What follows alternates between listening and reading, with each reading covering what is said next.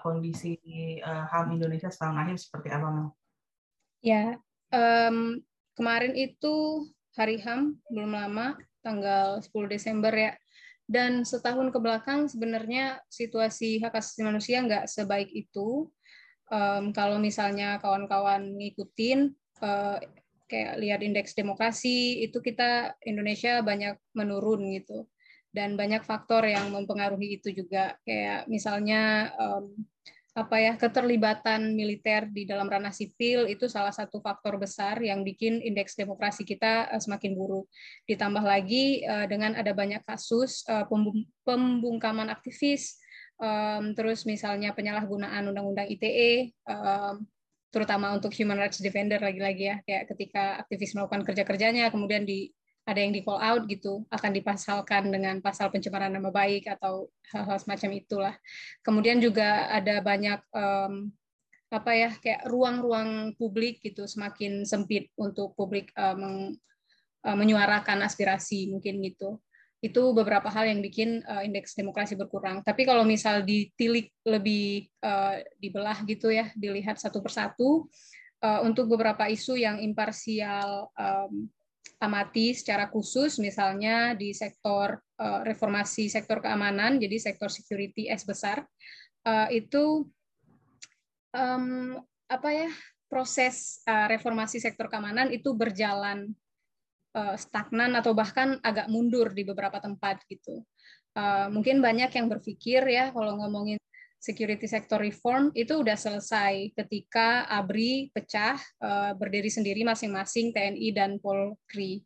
Cuman sebenarnya uh, amanat reformasi kan nggak cuma di pemisahan ABRI aja gitu kan, tapi ada banyak hal lainnya kayak gitu, termasuk misal di dalamnya tentang peradilan militer gitu, tentang bagaimana militer jangan ngaco-ngaco ranah sipil uh, yang sekarang itu terjadi kayak gitu. Gimana kalau kita lihat kan dalam penanganan pandemi militer sangat terdepan gitu kayak ini vaksin lah segala macam pengamanan padahal itu bukan tugas dia gitu. Tugas dia kan pertahanan bukan malah cetak sawah. ya, cuman masalah-masalah itu um, kemudian bikin eh, RSK ini stagnan atau malah mundur. Ada hal-hal lainnya misalnya kayak pengawasan peran penguas, pengawasan dari DPR juga itu sebenarnya penting dan salah satu amanat reformasi juga yang um, kurang gitu kalau sekarang itu. Walaupun sekarang teman-teman koalisi RSK di Indonesia lagi berusaha untuk supaya um, direvisi gitu. Sekarang lagi proses uh, sidangnya masih berjalan untuk apa namanya undang-undang itu uh, diubah kayak gitu ditinjau kembali. Um, terus untuk isu lainnya kayak misalnya apa ya kalau ngomongin HAM yang terpenting hak hidup um, hak yang nggak boleh dikurangi dalam situasi apa pun kayak gitu. Tapi di Indonesia uh, kita masih menerapkan uh, hukuman mati dan angkanya setiap tahun meningkat terus juga berdasarkan pemantauan kami. Um, walaupun pandemi ketika pandemi kan sidang secara virtual ya gitu. Tapi sidang virtual itu nggak menghentikan hakim, jaksa untuk menuntut dan memfonis hukuman mati untuk um, pelaku kejahatan.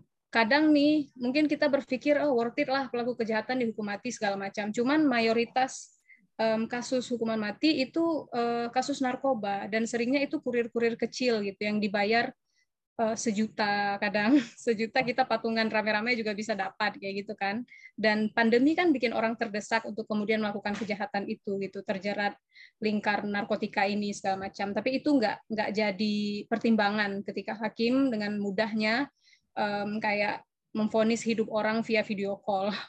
Padahal hmm. maksudnya kita kayak diputusin via chat aja pedih kan. Apalagi kayak nyawa kita di nyawa kita dicabut via fit call itu kayak lebih sakit rasanya. Cuman ya itu kayak gitu segitu rendahnya saat ini um, hak asasi manusia di, dinilai mungkin ya um, bisa kita bilang seperti itu. Uh, belum lagi setahun terakhir ini uh, vonis hukuman mati di Indonesia ada berapa nih? Setahun oh, belakangan itu coba aku lihat data ya. Ini aku pemantauan setiap hari kayak lihat ada vonis baru atau enggak semacam semacam itu.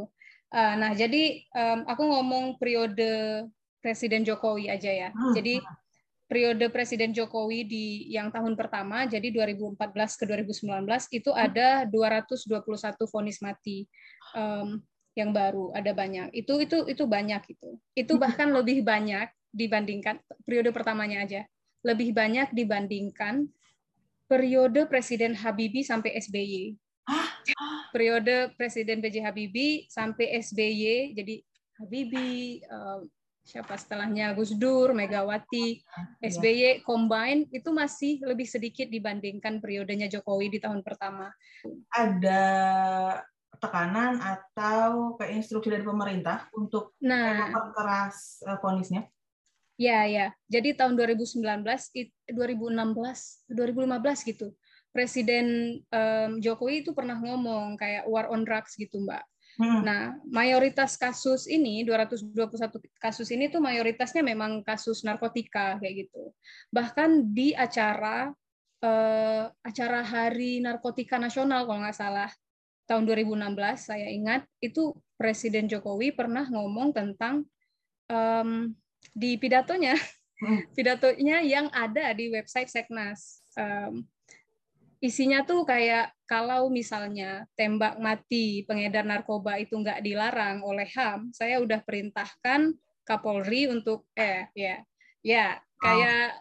kayak yang di Filipina. Aku nggak pernah nonton videonya, tapi itu ada teks teks pidatonya kan kayak hmm. di di websitenya mereka gitu. Hmm. Aku pernah kutip dan karena alasan itu um, pertimbangan hakim ketika menjatuhkan um, vonis hukuman mati itu selalu itu gitu. Bagaimana oh, terdakwa tidak me mensukseskan program war on drugs-nya presiden kayak gitu. Jadi kan kadang ada yang bilang ngapain nyalahin presiden? Ya nyalahin. Itu kebijakan ya, dia yang bikin ya. kayak gitu uh, emang uh, ada yang bisikin Mel? Kenapa? Ada yang bisikin gak ada advokasi gitu? At least mengajarkan ada... atau nge-briefing gitu itu kan basic banget ya I know right? Kayak nggak tahu ya. Nggak tahu ya. If it's up to us gitu. Kita bisikin banyak-banyak. Tapi um, tentang bisik-bisik sering sih gitu. Kayak maksudnya nggak cuma tentang hak hidup. Um, kamisan kan itu bentuk bisikan ya. Hmm. setiap Kamis, setiap Kamis aktivis berdiri di depan Istana Negara untuk membisikkan tuntutan-tuntutan hak asasi manusia ini gitu. Cuman I don't kayak kita bahkan nggak membisik, kita teriak-teriak pun ya. agak susah hmm. masuknya gitu. Nggak tahu kadang ditutup kayak kayak bocil nggak boleh dengar bisa jadi nggak tahu. Um, nah itu periode pertama tadi Mbak sampai ya. 2019. Nah hmm. periode keduanya jadi April 2019 ke Oktober 2021 hmm. um, kita rilis datanya tuh sampai Oktober selalu karena 10 Oktober itu hari anti hukuman mati sedunia. Ya. Ngomong-ngomong uh, disclaimer sedikit uh, biar nggak dibilang datanya nggak update. nah itu uh, ada 177 dua tahun udah segitu gitu. Gimana nanti tiga tahun lagi nih kayak gitu kan? Um, dan itu lagi-lagi mayoritas kasusnya tuh narkotika gitu 133. Um, tapi ini panjang sih. Kayak kalau ngomong hukuman mati bisa bisa podcast sendiri nggak selesai-selesai yes. gitu. Ya, karena karena sangat panjang gitu. Intinya intinya ya gitulah. Kayak angkanya tinggi. Um, semangat atau kayak niatan dari uh, pemerintah, hakim untuk untuk kayak menghormati hak hidup itu hmm. kurang kayak gitu. Hmm. Tentu didorong berbagai faktor juga ya kayak agama segala macam, kayak opini publik dan lain-lain. Nah, terus um, masalah lainnya kalau ngomongin tentang HAM ke pembela HAM. Tadi aku sempat mention di depan kan kayak gimana um, kayak ruang sipil untuk menyuarakan aspirasi itu berkurang dan um, banyak aktivis yang dikriminalisasi atau mengalami kekerasan kayak gitu. Nah, ini angkanya juga juga banyak kayak gitu. Tahun 2014 ke 2021, jadi kita mantau enam tahunan. Itu ada 193 serangan ke pembela HAM. Nah, cuman ini tuh um, imparsial mantaunya uh, secondary uh, data gitu. Jadi kayak berdasarkan uh, media.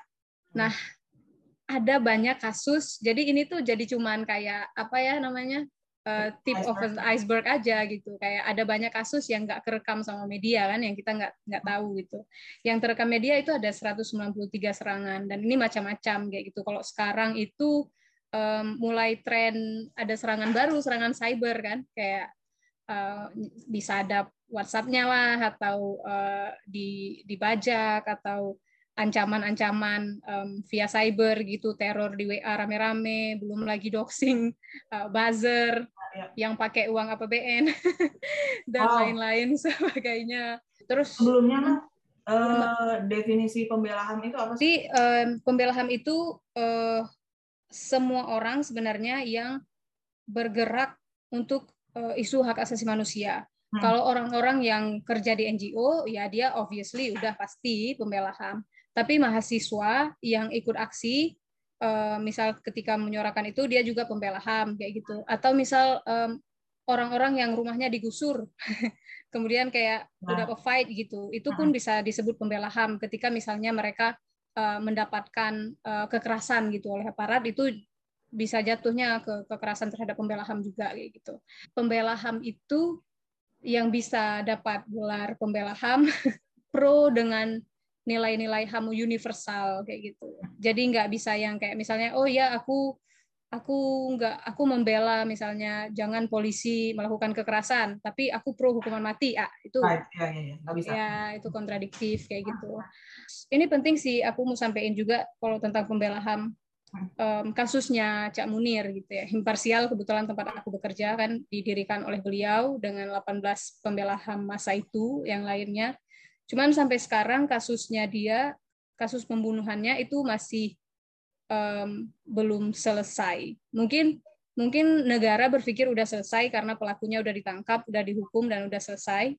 Kayak bahkan pelakunya udah meninggal karena COVID setelah bebas dari penjara obviously. Cuman Cuman ada yang nggak di ini gitu kayak bahwa um, pembunuhannya Cak Munir itu kan karena kerja dia sebagai aktivis ya kayak bukan yang dia dibunuh karena dia annoying atau atau dia pinjam uang ke siapa terus orangnya dendam terus dia dibunuh. Bukan yang kayak gitu gitu. Dia dibunuh karena dia menyuarakan penculikan orang di tahun 98 itu dan dan segala macam kerja kerjanya dia kayak gitu. Dan dan pembunuhannya dia itu melibatkan uh, institusi negara juga kayak gitu. Hmm. kayak dan fakta itu diabaikan di persidangan. Padahal udah ada nih TPF kan dibentuk sama Presiden SBY dulu uh, tim pencari fakta untuk kasus Munir berkasnya udah ada udah diserahkan terus sekarang hilang. Dihilangkan? Dikas, nah nah itu dia. Jadi berkasnya itu diserahkan ke kayak kementerian kesekretariatan atau gimana? Atau berkasnya kayak diserahin ke mana dulu gitu ya pertama mungkin. Terus sekarang saling lempar melempar gitu loh mbak. Kayak ah. oh enggak enggak di kita di sini gitu. Terus pas di sini oh enggak ada hilang kayak itu kayak dinyatakan hilang. Nah ya digitalnya ada. Kayak kawan-kawan punya punya uh, berkas itu. Cuman kan kalau misalnya kita yang publish nggak ya. ini dong kayak nggak nggak legitimate gitu. Memang sebenarnya harus negara yang publikasi itu kayak gitu kan. Cuman eh hilang katanya. Nah untuk untuk itu kita dorong supaya kasus pembunuhannya Cak Munir itu dinaikkan pangkatnya sebagai um, itu pelanggaran HAM berat kayak gitu. Um, supaya tetap dilanjutin gitu proses ininya soalnya um, lagi-lagi kalau misalnya nggak diselesaikan sampai tuntas ke ke kayak apa namanya yang yang punya rencana gitu ya. Kalau si yang Polikarpus kan cuman eksekutor aja gitu. Dia cuman yang naruh racun kan, tapi yang yang punya rencananya belum ditangkap. Kalau itu nggak selesai kayak um, kita tuh nggak akan aman gitu. Kalau Munir yang ketokohannya sebesar itu um, bisa dibunuh in broad daylight gitu.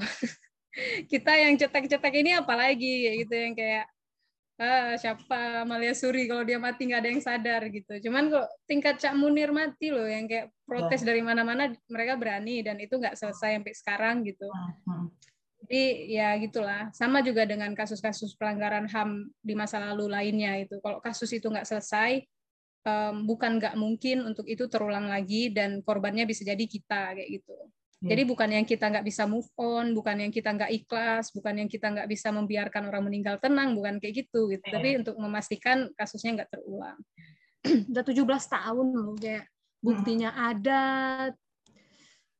ada deadline-nya nggak sih lo? Ini udah 17 tahun. Oh. Sebenarnya ada ada deadline. Um, kayak setahunan lagi kayaknya apa dua tahun lagi gitu kasusnya udah ditutup gitu kalau udah luar kan tahun berapa luar sana 2023 kayaknya. Berarti 20 tahun. Pas 20 tahun ya? Ya. Itulah. Jadi tapi kita dorong ini bukan karena kasusnya udah muka daluarsa, cuma karena memang penting dan harus. Tapi udah udah jauh jauh jauh lebih baik dibandingkan ketika uh, masa Presiden Soeharto yeah. atau masa transisinya kayak gitu. Hmm. Udah udah lebih baik lah. Kita kita nggak yang terang-terangan di ada Petrus nembak hmm. dari ini atau terang-terangan malam-malam diculik, nggak yang kayak gitu lagi kan. Uh, sekarang lebih smooth lah dan dan hmm. dalam kerangka hukum kayak kayak dengan UU ITE dan Benar. semacamnya kayak gitu. Tapi itu bukannya lebih bahaya ya Mel kalau si ancamannya ini di ditaruhnya di frame-nya undang-undang gitu. Jadi kayak semua orang lebih takut kan untuk bergerak Iya, iya, iya. Itu benar-benar. Makanya makanya setiap ada undang-undang yang yang say bermasalah gitu ya, yang kira-kira akan mengancam pasti tuh ditolak kayak gitu. Pasti cuma kadang setelah penolakan masif pun kayak misalnya omnibus law kemarin ya eh, nggak uh, menghasilkan nggak banyak menghasilkan setidaknya harus harus tetap coba biar walaupun mungkin jalan di tempat atau langkah dikit atau kita maju tiga langkah dipukul balik kita mundur dua tapi ya? Iya. Well, selain kasusnya Cak Munir, eh, kasus pelanggaran HAM apalagi yang perlu kita sorot setahun terakhir? Ah, setahun terakhir ya, ini juga um, kasus lagi-lagi aku um, ini kasus uh, untuk hak asasi manusia yang nggak bisa dikurangin, hak beragama dan berkeyakinan.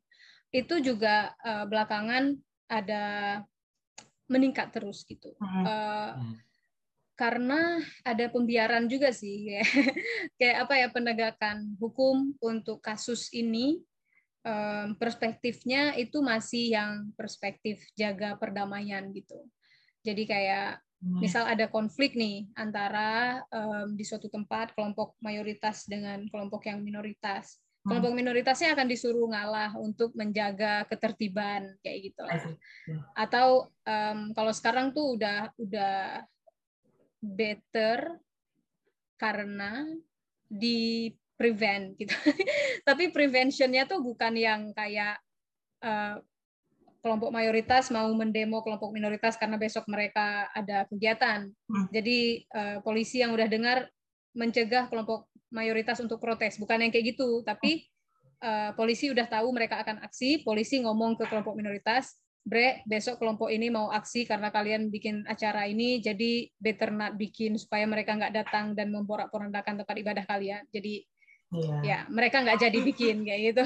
Um, sayangnya itu kemajuan karena karena sebelumnya kayak dibiarkan terus nanti ya udah ini nggak dibela kalau sekarang uh, di prevent supaya rumah ibadahnya misalnya nggak rusak atau nggak ada hmm. korban segala macam cuma kan tetap aja nggak adil gitu ya kayak idealnya gimana Mel? Kalau kita kan di HI ada belajar tentang aku segan sih sebenarnya ngomong kayak gini sama Mbak Grace yang dosen di Barat juga ayo, gitu. Ayo, ayo, tapi gimana? tapi um, kan kita kayak maksudnya peace yang positif peace, negatif peace kayak bahwa perdamaian tuh nggak benar-benar damai kalau nggak ada keadilan kayak gitu kan.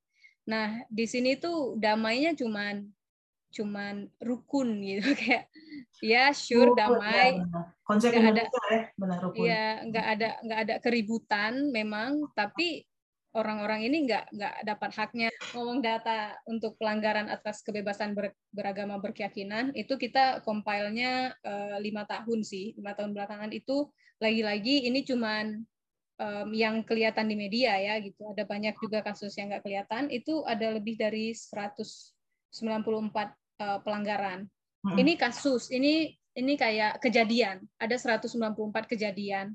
Um, kalau kita ngomong tentang hak yang dilanggar itu bisa lebih banyak karena kan misal dalam satu kasus, say perusakan tempat ibadah itu hak yang dilanggar kan bisa lebih banyak kan kayak hak hmm. dia berkumpul, hak dia melaksanakan tempat ibadah, hak untuk punya tempat ibadah, hak untuk kayak mempraktikkan itu juga jadi kayak ada empat. Jadi ini bisa bisa lebih banyak kalau dipilah kayak gitu. Tapi ada 194 kejadian dan majority itu kasus uh, perusakan tempat ibadah sih. Dan kayak apa namanya pelarangan pendirian tempat ibadah um, yang yang juga masih banyak terjadi gitu ya. Karena kan kita ada ini ada SKB aku bilangnya SKB 69 karena ini nickname aja. Soalnya di SKB itu untuk mendirikan tempat ibadah harus mendapatkan 60 tanda tangan dan 60 tanda tangan uh, apa namanya uh, orang yang di luar faith-nya dan 90 tanda tangan pengikut agama tersebut.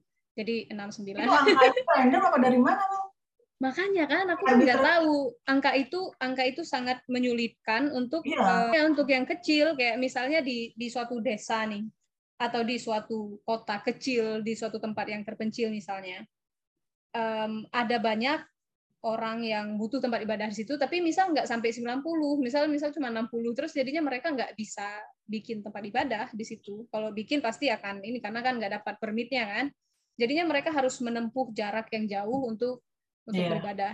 Ya itu itu sampai sekarang masih dicoba protes sih kayak imparsial um, tahun ini ada juga ngeluarin uh, apa namanya kayak policy brief soal itu gitu. Um, kenapa kayak gitu, terus perbandingannya kalau di negara lain kayak apa, kayak gitu-gitu. Aturannya tuh SKB uh, menteri, jadi kayak surat surat bersamanya menteri. Sebenarnya nggak sekuat itu ah. kalau dibandingkan dengan hak untuk beragama yang ada di konstitusi dan undang-undang dasar. Cuman ya tau lah kayak kayak kalau ngomong tuh suka putus asa gitu kayak itu selalu jadi alasan gitu. Walaupun kita bilang kayak itu melanggar konstitusi ya. tapi alasannya kenapa itu? Karena oh dia ini berdasarkan SKB SKB ini selalu pokoknya jadi troublemaker lah gitu kayak. Walaupun sekarang harus di ini sih kayak um, Kementerian Agama Kementerian Agama kan agak lebih moderat ya si Pak Menterinya tuh dan dia ada buka kesempatan untuk SKB itu di direvisi atau kita sih maunya dicabut, cuman kayak revisi mungkin jalan awal. Terus Dari pelanggaran pelanggaran ini paling banyak di provinsi atau daerah mana, Mbak? Oh iya iya iya. Uh, juaranya itu uh, provinsi Jawa Barat, yeah. oh Jawa Barat, Jawa Barat. Untung gue udah ganti KTP di Jakarta, males banget. Di Jawa Barat apa nggak Ahmadiyah? Ah, di Jawa Barat uh, banyak Ahmadiyah ada, terus kasus uh, Syiah banyak, kasus uh, menyerang uh, Kristen juga ada. Nah, itu mah kita kan tadi udah ngebahas soal hak beragama di Indonesia. Kalau hak ya. tidak beragama dan tidak berkeyakinan dilindungi dari tadi Indonesia. Ah, ini pertanyaan tricky ya. Aku kayak waktu apa dapat list pertanyaan dan ada kayak hak tidak beragama, tidak berkeyakinan. I would say kayaknya nggak dilindungi sih soalnya kita sila pertamanya sudah ketuhanan yang maha esa kan gitu. Kayak nah jadi um, walaupun walaupun kita nggak se ekstrim yang kalau misalnya ketahuan nggak beragama walaupun aku bingung juga gitu kayak kayak how do they know gitu. Walaupun misalnya kita kayak publicly announce aku tidak beragama terus mereka tangkap kita itu aneh gitu. Belum ada sih. Lebih ke nggak ada kayaknya aturan hukum soal itu kayak gitu.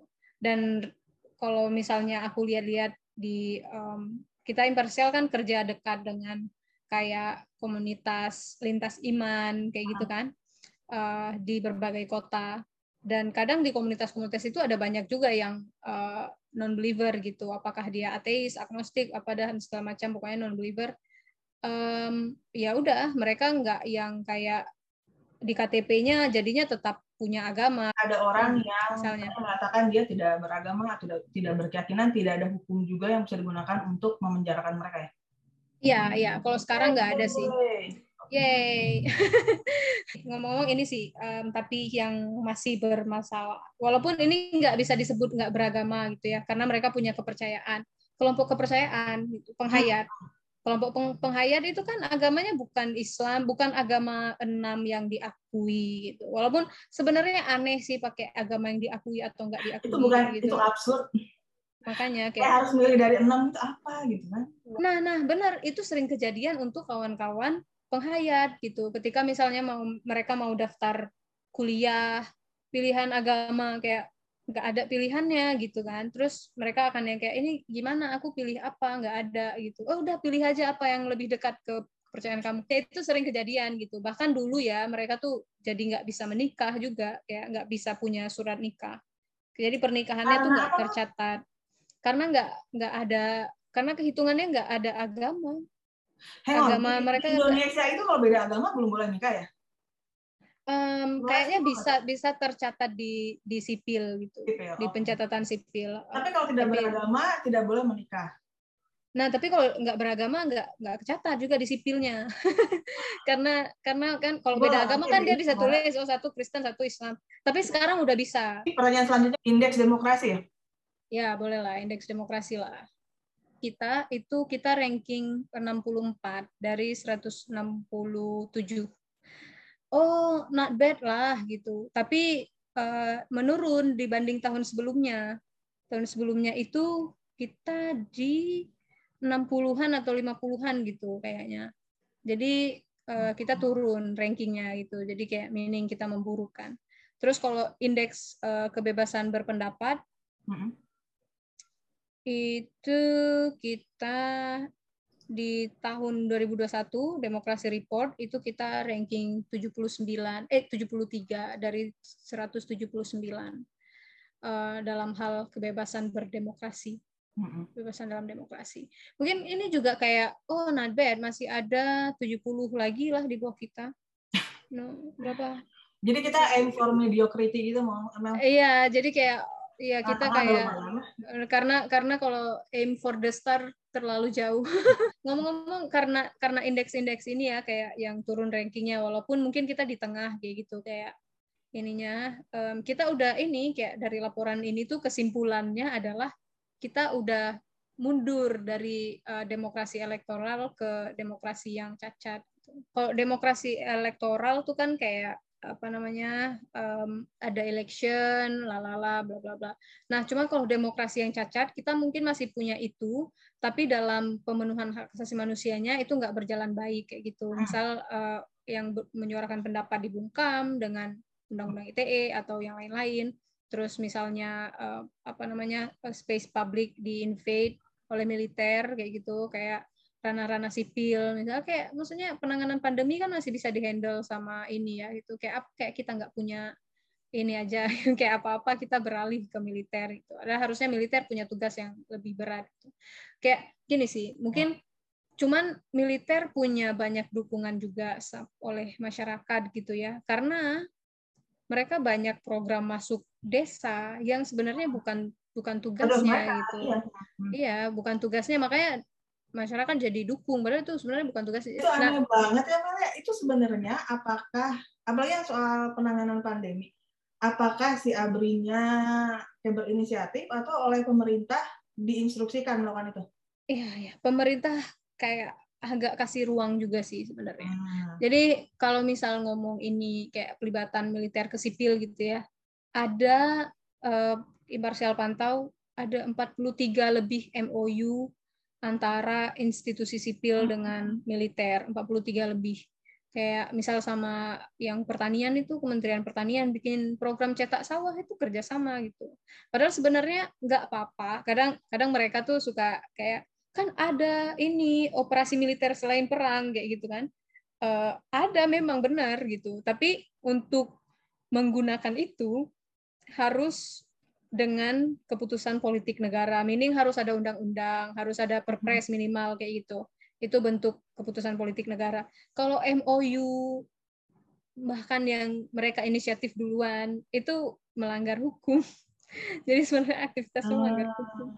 Uh, kalau sekarang kan sebenarnya faktanya juga di pemerintahan kita banyak orang-orang mantan militer gitu. Menurut ya. Amel, sejauh mana orang ini, orang yang mantan militer, bisa diizinkan masuk ke pemerintahan? Apakah ketika sudah pensiun boleh, atau sama sekali tidak? Ya, kalau um, secara hukum mereka bisa sih. Kalau udah pensiun bisa.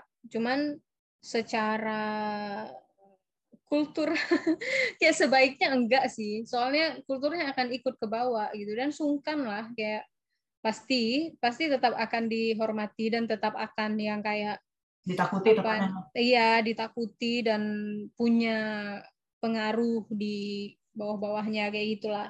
Dan nggak nggak tahu sih aku um, kita di imparsial tuh suka kayak bilang maksudnya tentara kan dia memang diciptakan untuk pertahanan dia memang diciptakan untuk uh, membunuh gitu membunuh musuh ya kayak uh, dia memang diciptakan untuk untuk keras kayak gitu. Jadi menghandle urusan-urusan sipil bukan specialty-nya dia kayak gitu. Makanya ketika eh, program-program sipil itu kayak dimasuki tentara kayak cetak sawah segala macam, marah pelanggaran HAM terjadi. Pertanyaan terakhir ya Mel ya. Ini Iya. untuk orang kantoran apa yang bisa kita lakukan untuk mendukung para penegak HAM? Eh, isi petisi. Oke. petisi itu petisi no joke loh kayak it, it works gitu. Itu Serius? Ada itu berhasil. pernah? Oke. berhasil. Ada ada banyak ada banyak masalah yang yang berhasil diselesaikan dengan petisi kayak gitu. Em, kemarin itu petisi imparsial tuh apa ya?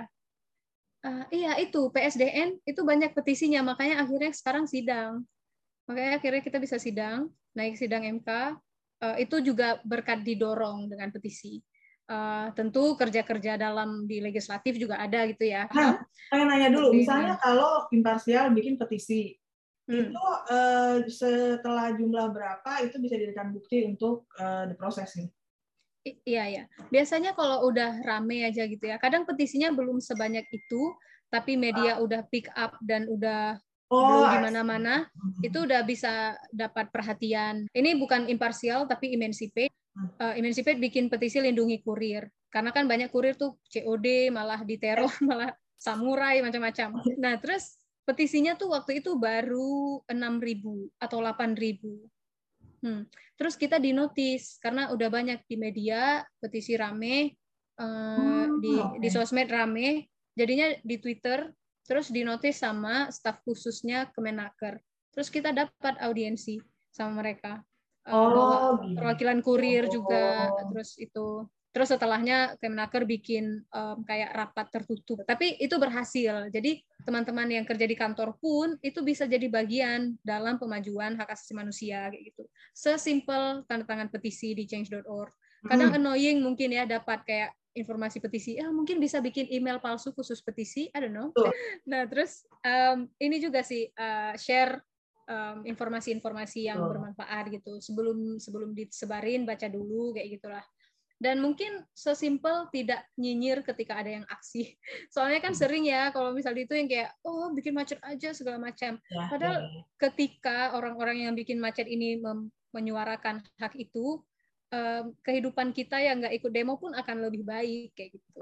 Kayak ketika buruh Yes. misal mengupayakan supaya eh, gaji UMK naik gaji kita akan ikut naik padahal kita nggak ngapa-ngapain. Itu karena mereka kayak gitu. Jadi kita orang-orang ini ya masyarakat harus harus lebih solid em, bersatu satu sama lain gitu. Saling support lah ya. Kayak ini isu bersama selesainya juga nggak bisa cuman cuman aktivis di LSM sendirian misalnya atau itu, itu peran-peran rame-rame gitulah mahasiswa bisa mulai dengan misal ketika skripsian bikin skripsi soal HAM Hmm. Em, orang-orang yang kerja di akademisi bisa bisa lebih banyak bahas tentang itu juga gitu ya kemudian kayak nggak nggak tahu lah kan pengajar gitu ya. pengajar mungkin bisa kayak menginfuse Hmm. eh, mahasiswanya dengan semangat eh, aktivisme dan dan lain-lain kayak gitu tapi ya jangan remehkan jangan remehkan kekuatan kecil kita sih kayak just do em, apa yang kita bisa dengan apa yang kita punya kalau aku selalu bilang gitu Iya. Uh, punyanya punyanya Instagram ya pakai Instagram Hmm. punya Kalau rekomendasi untuk pemerintah apa saja, Mel? pemerintah harus lebih hadir Uh, tapi jatuhnya nanti kayak mm, apa namanya normatif gitu kalau misalnya Iya. nggak dispesifikin kan Betul. cuman by lebih hadir maksudku misalnya dalam uh, lebih hadir dalam pemenuhan hak asasi manusia uh, dengan cara misalnya di uh, perlindungan hak hidup ya cabut hukuman mati gitu ya. Itu kayak itu memang ya satu-satunya untuk pemerintah menghormati hak hidup ya dengan itu gitu. Atau minimal mungkin moratorium dulu nggak apa-apa walaupun moratorium juga agak bermasalah anyway. Terus kalau untuk misalnya kebebasan beragama berkeyakinan yang bisa dilakukan em, lagi-lagi negara hadir dengan cara mencabut aturan-aturan yang diskriminasi kayak SKB 69 tentang pendirian rumah ibadah sangat diskriminatif cabut itu gitu.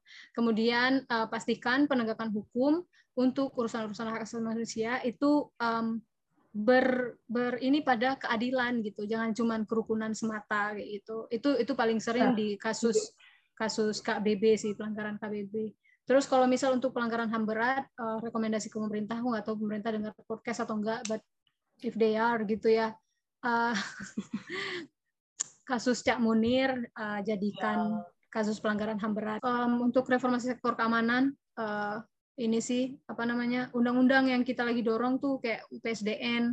Aduh rawan banget itu untuk um, UPSDN melanggar hak orang-orang gitu ya. Karena wah ini panjang tapi um, aku sarankan ini uh, ngundang ini sih uh, orang imparsial yang expert di isu RSK. Sebelum podcastnya kita tutup, main ukulele satu lagu dong Mel. Nyanyi apa ya? Aku nyanyi lengka aja. Boleh. I'm just a little bit caught in the middle. Life is a maze and always a riddle. I don't know where to go.